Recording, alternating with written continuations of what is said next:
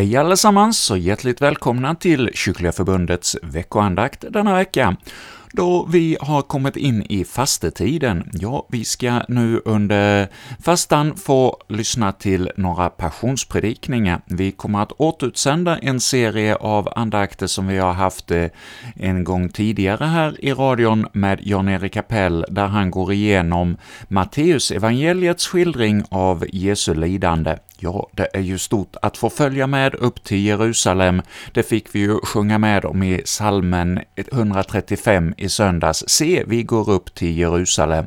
Och det får vi nu under fastetid verkligen göra, att se vad det är som Jesus har gjort för oss. Det är stort att få påminna sig om det också detta år.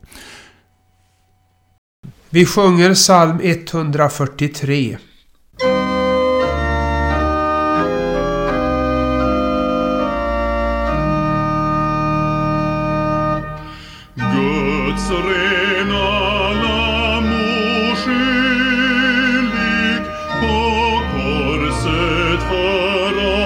Oss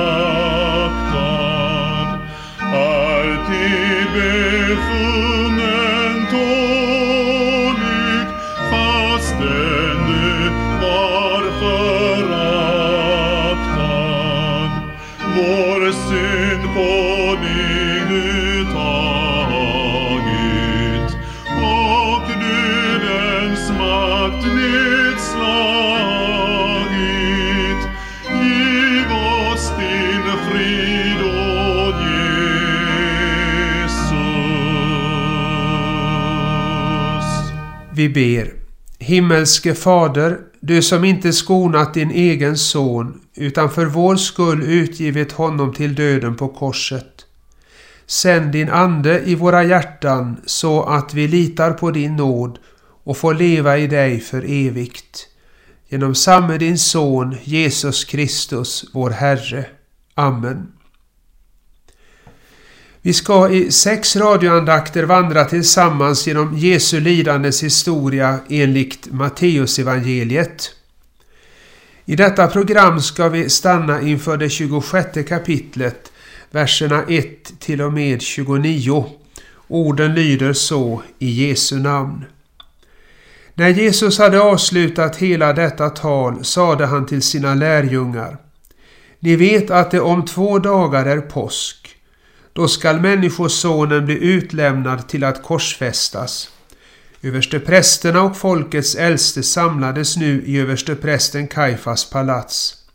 De planerade att gripa Jesus med list och döda honom.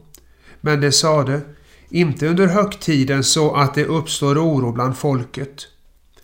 När Jesus befann sig i Simon den spetälskes hus i Betania kom en kvinna fram till honom.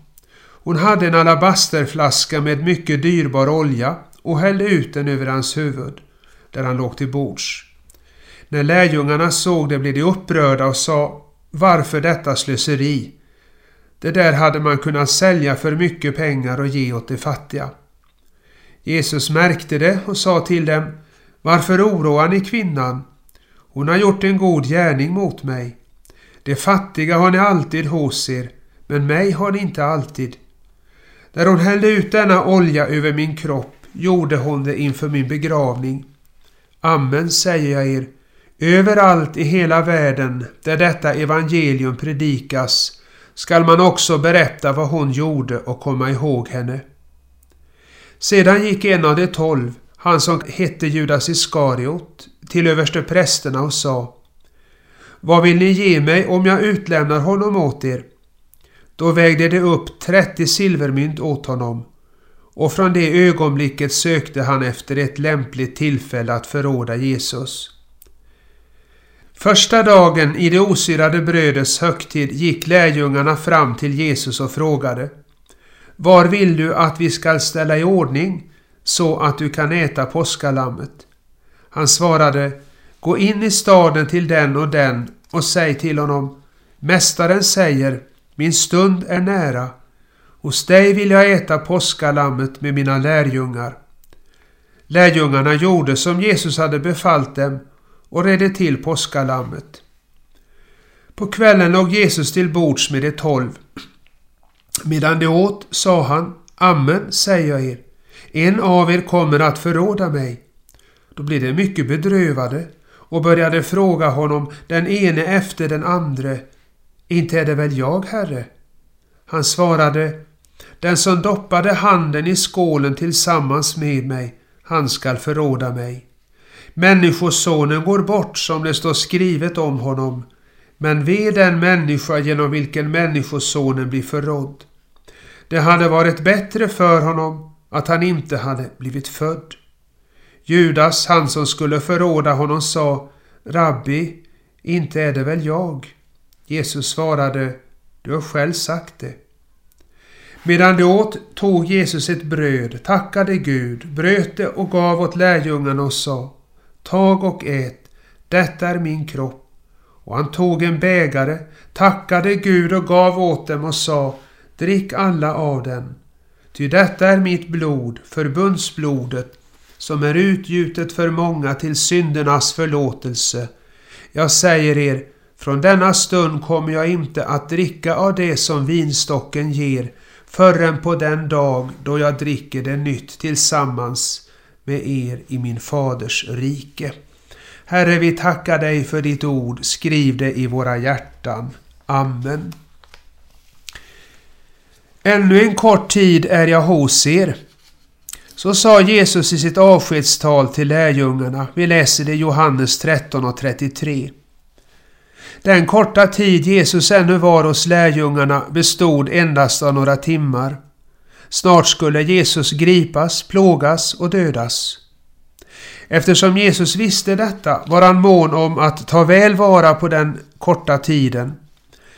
Därför han också Jesus med så mycket på sin sista levnadsafton. Men också till oss kan Jesus säga Ännu en kort tid är jag hos er.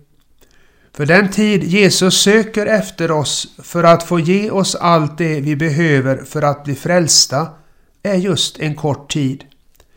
Och för varje dag blir ju den tiden allt kortare.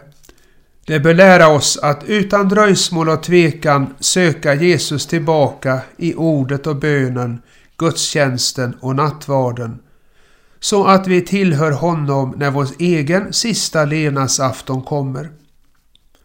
Texten jag nyss läste ska få tala till oss om den sista levnadsaftonen. Först något om Jesu sista levnadsafton. På den utsattes Jesus för en fientlig aktivitet som trots att den vann stora framgångar ändå inte kunde krossa hans rike. Ja, vad var det om inte en fientlig aktivitet mot Jesus där judarnas andliga ledare samlades i översteprästen Kaifas palats och planerade att gripa Jesus med list och döda honom. För att verkställa dessa planer fick de en oväntad hjälp av Judas Iskariot. Han gick till översteprästerna och sa Vad vill ni ge mig om jag utlämnar honom åt er? Nu fick denna fientliga aktivitet mot Jesus på hans sista levnadsafton en märkvärdigt stor framgång. Det stannade inte vid rådslag och överläggningar. Man förverkligade också sina planer. Också idag utsätts Jesus och hans rike för en fientlig aktivitet som ofta ser ut att vinna stora framgångar. En Jesu lärjunge vill så gärna att Jesu rike ska nå in i varje hjärta och nå ut över hela världen. För det ber och arbetar han. Men han ser så lite resultat av sitt arbete och sina böner. Det verkar som om Jesu rike går tillbaka istället för framåt. När en Jesu lärjunge ser detta och känner hur misströstan och modlöshet vill fånga honom så får han tänka på hur det då gick med människors fientliga aktivitet mot Jesus. Trots att den vann stora framgångar kunde den ändå inte krossa hans rike. Den fick istället mot sin vilja medverka till Jesu rikes seger. När fienderna genomförde sitt onda råd om Jesus genomförde Gud samtidigt sitt goda råd om syndares frälsning. När fiendernas ondska brakte Jesus om livet var det inte fienderna som segrade, fast det såg ut så, utan Jesus. Nederlaget var i själva verket en seger. Detta får nu en Jesu lärjunge tänka på och trösta sig med när det verkar som om det vore ute med Jesu rike. Att Herren då förde sin sak till seger trots all fientlig aktivitet mot Jesus, det borgar för att han alltid ska göra det, hur mörkt det än kan se ut. På sin sista levnadsafton visade Jesus en stor kärlek mot sina lärjungar trots att han själv fick utstå mycket hat från människors sida. Jesus sa till lärjungarna, ni vet att det om två dagar är påsk. Då ska Människosonen utlämnas till att korsfästas. Det är sant att Jesus redan förut fått utstå mycket hat. Men inte minst på sin sista levnadsafton skulle han få uppleva hur människor bevisade honom hat för hans kärlek. Trots detta kallnade han inte i sin kärlek. Visserligen var allt vad Jesus sa och gjorde också på sin sista levnadsafton ett enda stort bevis på hans kärlek till de sina. Men inte minst gäller detta om nattvardens instiftande. Det inser vi om vi tänker på vad nattvarden är och ger. Medan de, tog, medan de åt tog Jesus ett bröd, tackade Gud, bröt det och gav åt lärjungarna och sa Tag och ät, detta är min kropp. Och han tog en bägare, tackade Gud och gav åt dem och sa Drick alla av dem. Ty detta är mitt blod, förbundsblodet, som är utgjutet för många till syndernas förlåtelse. Nattvardens bröd och vin är alltså Jesu kropp och blod.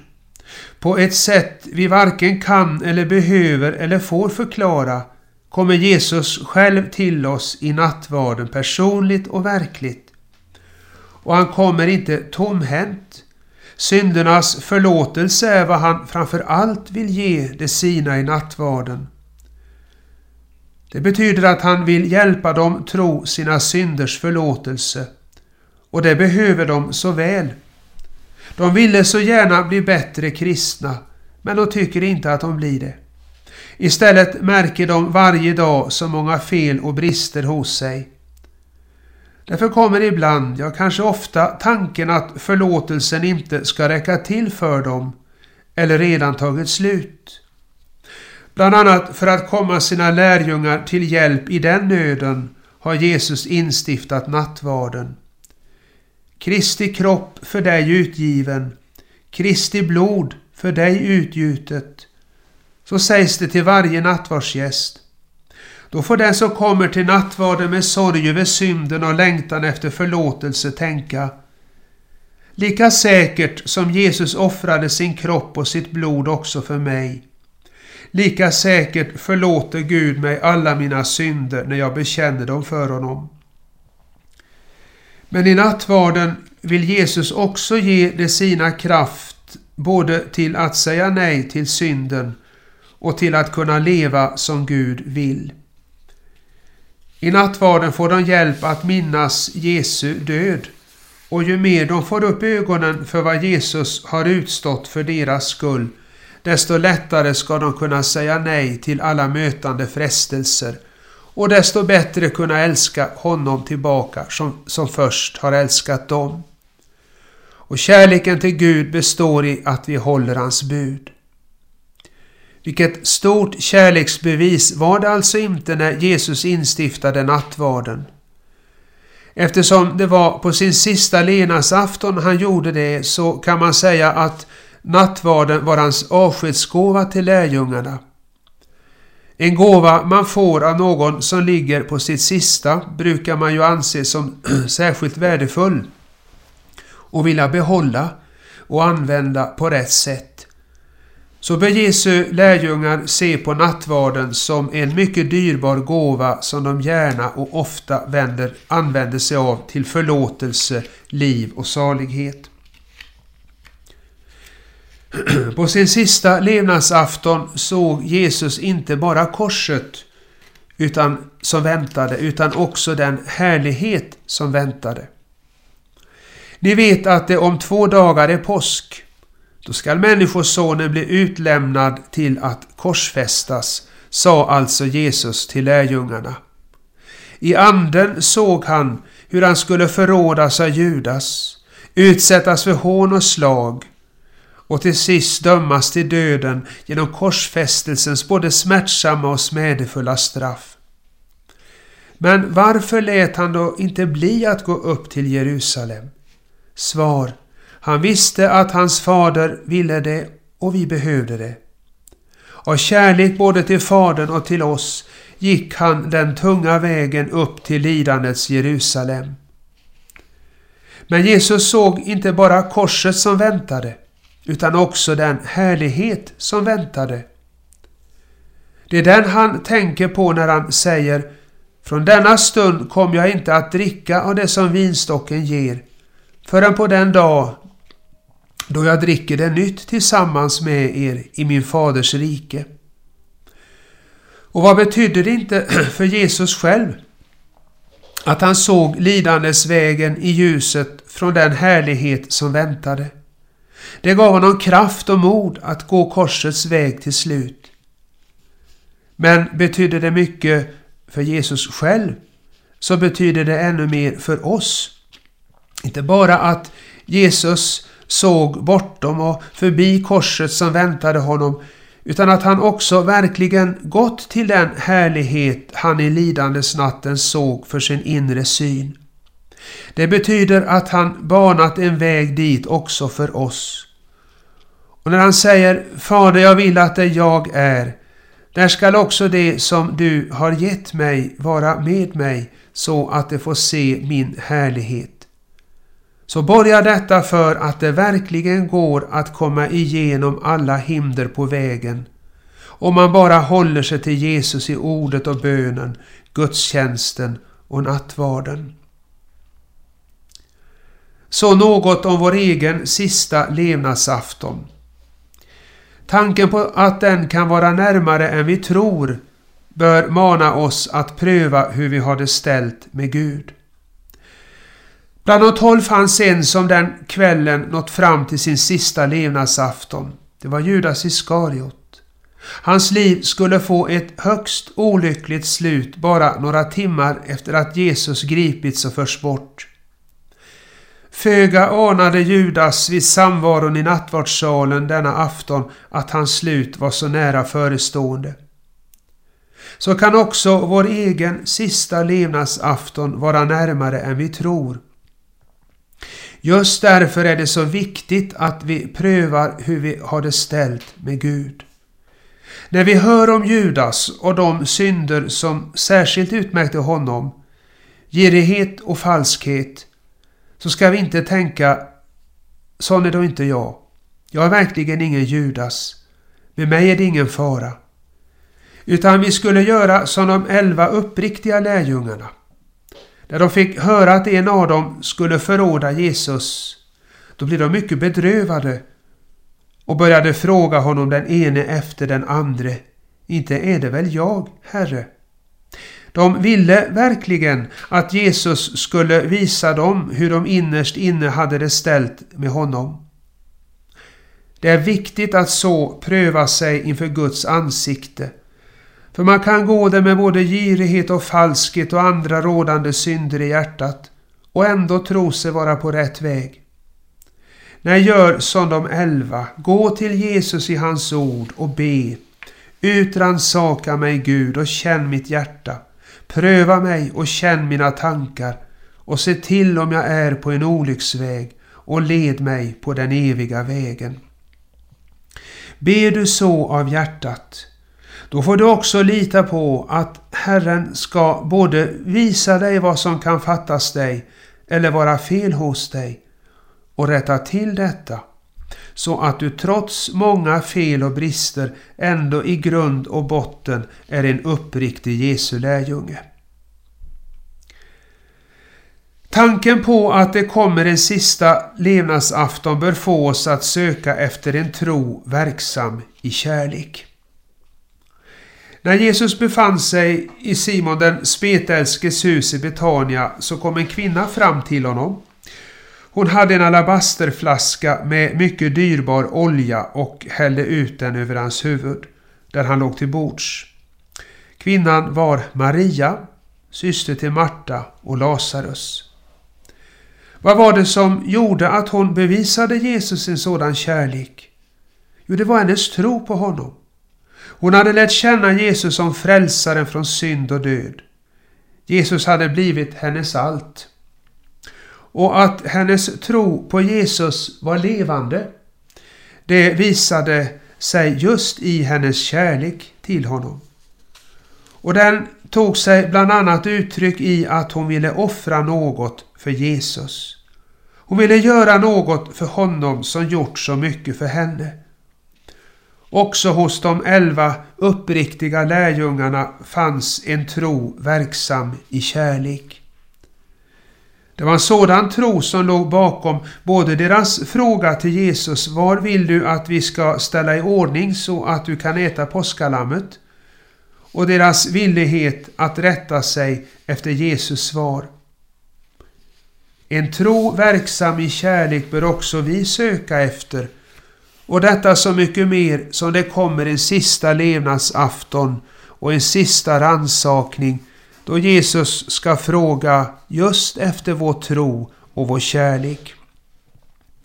Må vi därför gå till Guds ord och låta det både visa oss sanningen om oss själva, att vi är skuldbelastade syndare som inte kan hjälpa oss själva, och leda oss fram till honom som sonat vår synd och betalat vår, sku vår, skuld och därför både vill och kan hjälpa oss.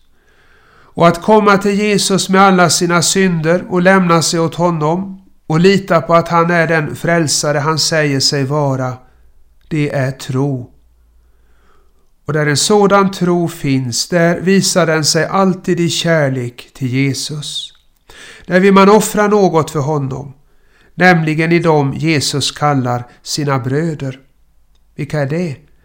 Ja, eftersom Jesus har dött för alla så kan alla sägas vara hans bröder. Men i all synnerhet är de Jesu bröder som tillhör honom i tro och kärlek.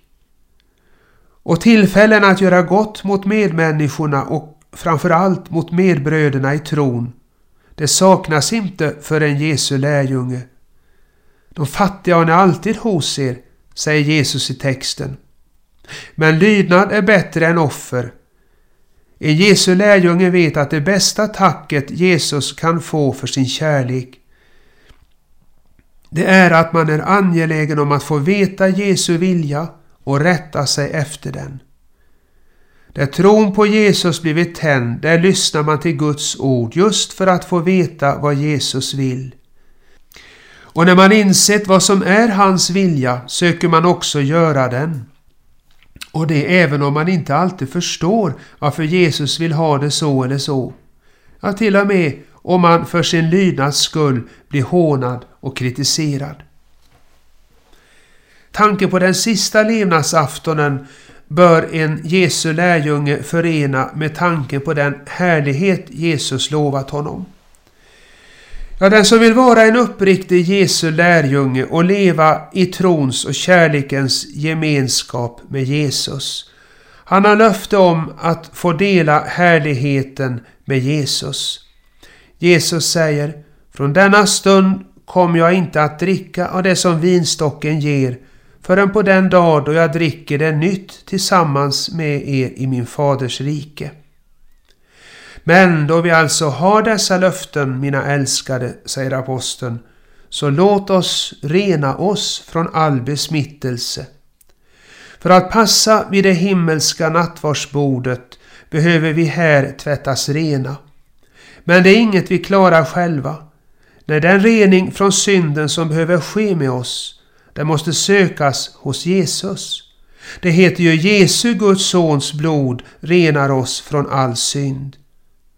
Det sker när du flyr till Jesus just som du är och lägger fram dina synder för honom i bekännelse och bön om förlåtelse.